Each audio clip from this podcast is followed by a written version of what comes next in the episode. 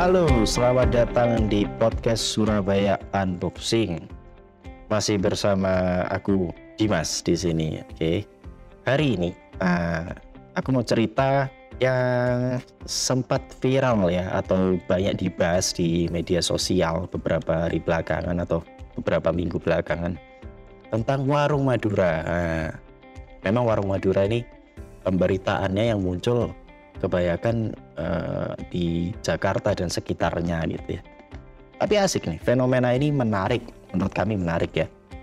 Jadi uh, kami mau sharing, nanti kami juga mau cerita uh, sedikit tentang uh, persaingan warkop, oh maaf bukan warkop ya, warung sembako Madura dengan kompetitornya yang ada di Surabaya. Nah seperti podcast kami Surabaya Unboxing gitu ya.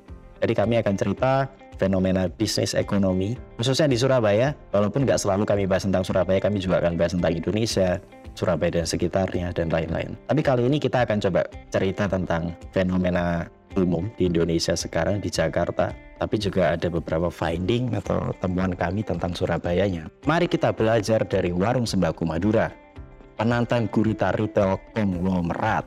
Check it out. Warung sembako Madura semakin menggema potret dan ulasan tentang bisnis warung atau toko kelontong Madura di ibu kota Jakarta dan sekitarnya ini sedang ramai diberitakan di berbagai media. Karena kehebatannya dalam menyaingi gurita retail milik Antoni Salim, bosnya Indomaret, dan Joko Susanto, bosnya Alfamart. Warung Madura menjual berbagai bahan pangan dan kebutuhan sehari-hari, seperti toko kelontong pada umumnya. Tapi mereka punya ciri khas yang nggak dimiliki oleh toko sembako lain Salah satunya ya, uh, bukan salah satu, beberapa ciri khas ya yang kami rangkum dari beberapa media adalah uh, cara mereka menampilkan beras gitu ya. Jadi berasnya itu ditampilkan di lemari etalase kaca yang membuat pembeli bisa dengan mudah melihat langsung kualitas berasnya. Terus tentang cara mereka menata rokok, wah ini unik. Jadi rokok itu nggak dipajang cover depannya, tapi ditata dengan posisi tidur di lemari etalase kaca. Di bagian dalam warung, beberapa produk seperti minyak goreng, mie instan, minuman kemasan, dan lain-lain ditata rapi juga di rak kayu kisi persegi. Seperti rak, rak buku apa tuh? Panel kayu olimpik atau apa tuh ya? Jadi sangat khas, lemari yang seragam. Dan di bagian luar tersedia juga kulkas display untuk minuman dingin ya beberapa ada yang punya kulkas display. Dan juga beberapa punya uh, stok bensin eceran. Nah ini stok bensin ecerannya bisa ditata atau dijual dalam botol atau dengan mesin pompa bensin mini. Terus ciri khas terakhir ini umumnya toko Madura buka selama 24 jam setiap hari sepanjang tahun. Bahkan ada guyonan itu uh, Toko Madura tutupnya cuma pas kiamat gitu kira-kira ya. Nah, tapi kira-kira seperti itu memang menarik. Nah, warung Madura ini punya ciri khas uh, tampilannya hampir mirip ya antara warung Madura satu dan yang lain. Sampai-sampai orang mengira ini sebuah jaringan gitu ya, dimiliki satu orang mungkin gitu. Tapi nyatanya enggak. Bisnis ini tidak dikuasai oleh satu orang saja. Seperti halnya bisnis bangsa perantauan lain. Kalau kita lihat ada bangsa Minang, dengan uh, warung nasi padangnya itu mereka bukan jaringan tapi uh, mereka memang menampilkan identitas uh, tampilan warung yang hampir mirip serupa. Ya, seperti toko Madura ini juga gitu ya.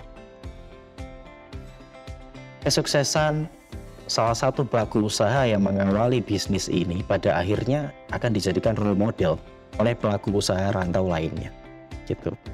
Nah di sini untuk mengkaji lebih dalam tentang bangsa Madura, eh, diaspora Madura, kami coba membaca penelitian dari Yakob Arifin dan Eka Wati Wahyuni.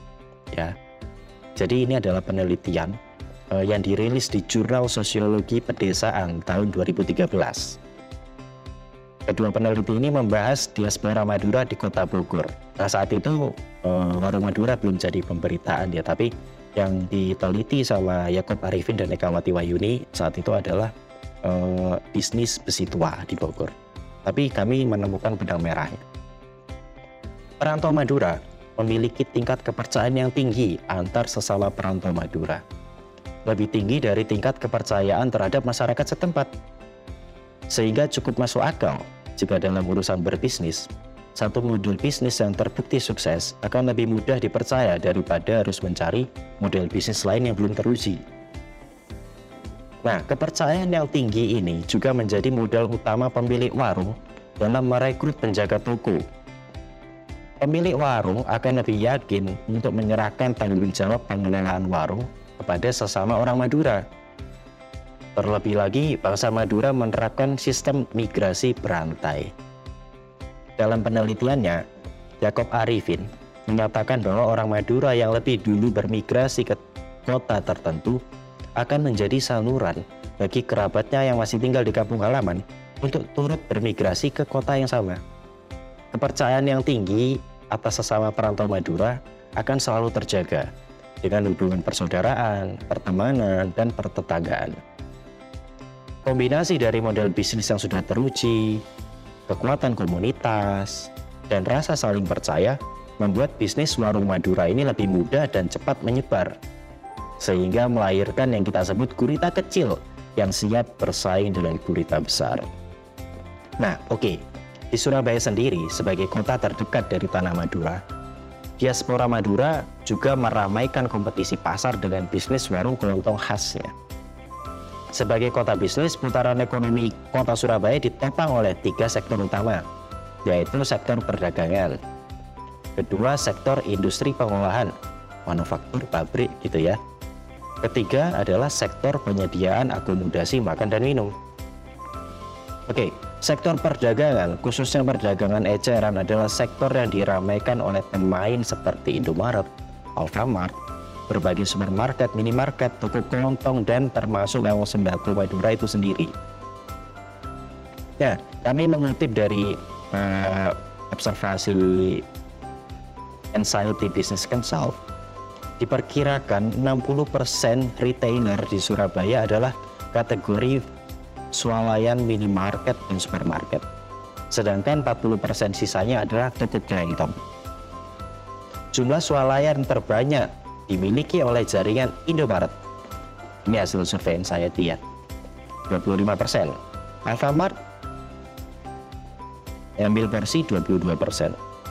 Sedangkan gurita kecil warung kelontong Madura yang kita bahas saat ini diperkirakan masih sebesar 5% dari total semua retailer yang ada di Surabaya. Ya ini perkiraan dari satu bisnis Consult.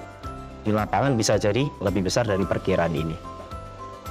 Hasil riset Anxiety juga menemukan bahwa ciri khas warung Madura yang bisa buka 24 jam ini memang lebih menonjol daripada uh, retailer yang lain.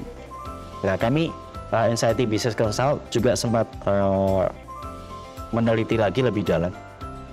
Dari semua Indomaret yang ada di Surabaya, diperkirakan hanya ada 31 toko Indomaret yang beroperasi 24 jam. Sedangkan Alfamart cuman punya 14% dari total tokonya. Nah, lain lagi toko Madura, dari semua toko Madura yang uh, masuk ke data itu, diperkirakan 50% dari toko Madura itu beroperasi selama 24 jam per hari. Nah, jadi kecenderungannya lebih besar. Oke, fenomena tumbuhnya warung Madura bisa mengindikasikan beberapa hal. Yang pertama, skema pemberdayaan ekonomi berbasis komunitas mulai diminati kembali. Jadi peluang baru itu sebetulnya bisa tercipta dari komunitas selain komunitas etnis. Misal komunitas pesantren, komunitas alumni, komunitas olahraga, komunitas uh, hobi dan lain-lain. Kedua, tingginya resiko berbisnis hari-hari ini sedikit terobati dengan model bisnis warung Madura. Memberikan opsi bagi masyarakat akan bentuk usaha yang minim modal dan juga minim resiko. Nah, for your information, modal awal toko kelontong Madura bisa berkisar antara 40 sampai 100 jutaan. Dengan omset per hari kalau rame bisa mencapai 3 jutaan. Besar itu. Modal awal itu jauh lebih rendah daripada kalau mau beli franchise Indomaret dan Alfamart.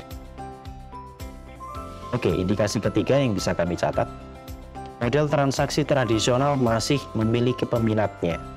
Hasil observasi anxiety menemukan bahwa praktik belanja kasbon atau uh, bayarnya di akhir pekan atau akhir bulan atau sekarang bahasa kerennya pay later gitu ya. Itu masih terjadi di toko kelontong termasuk warung Madura praktek belanja dengan berutang ini menguntungkan konsumen loh namun beresiko bagi pedagang. Nah ini sebetulnya membuka peluang gitu ya. Kalau perlu ada inovasi teknologi pembayaran yang mampu mengakomodasi uh, fenomena pay later di warung ini gitu. Indikasi keempat yang kami catat adalah operasional warung selama 24 jam menunjukkan bahwa mobilitas masyarakat di malam hari sampai dini hari itu masih lumrah terjadi di kota besar seperti Surabaya dan juga Jakarta, Bekasi, dan lain-lain. Namun, maraknya kriminalitas di malam hari menunjukkan bahwa keamanan masyarakat belum terjamin. Nah, terakhir dari kami, sebetulnya Fenomena warung Madura ini mengajarkan kita beberapa hal. Dan beberapa hal ini adalah fondasi penting dalam berbisnis. Kami mencatat ada tiga poin yang bisa kita jadikan pembelajaran. Pertama, kekuatan jaringan. Jaringan bisnis ini akan berperan penting dalam penyediaan modal dan bahan baku. Kedua, tentang kepercayaan. Kepercayaan antara pemilik usaha dengan pegawainya atau pengelola toko. Dan yang ketiga, Orang Madura punya banget ini. Ketekunan dan doa. Tidak ada keberhasilan tanpa ketekunan pastinya. Oke, salam sukses selalu. Bye.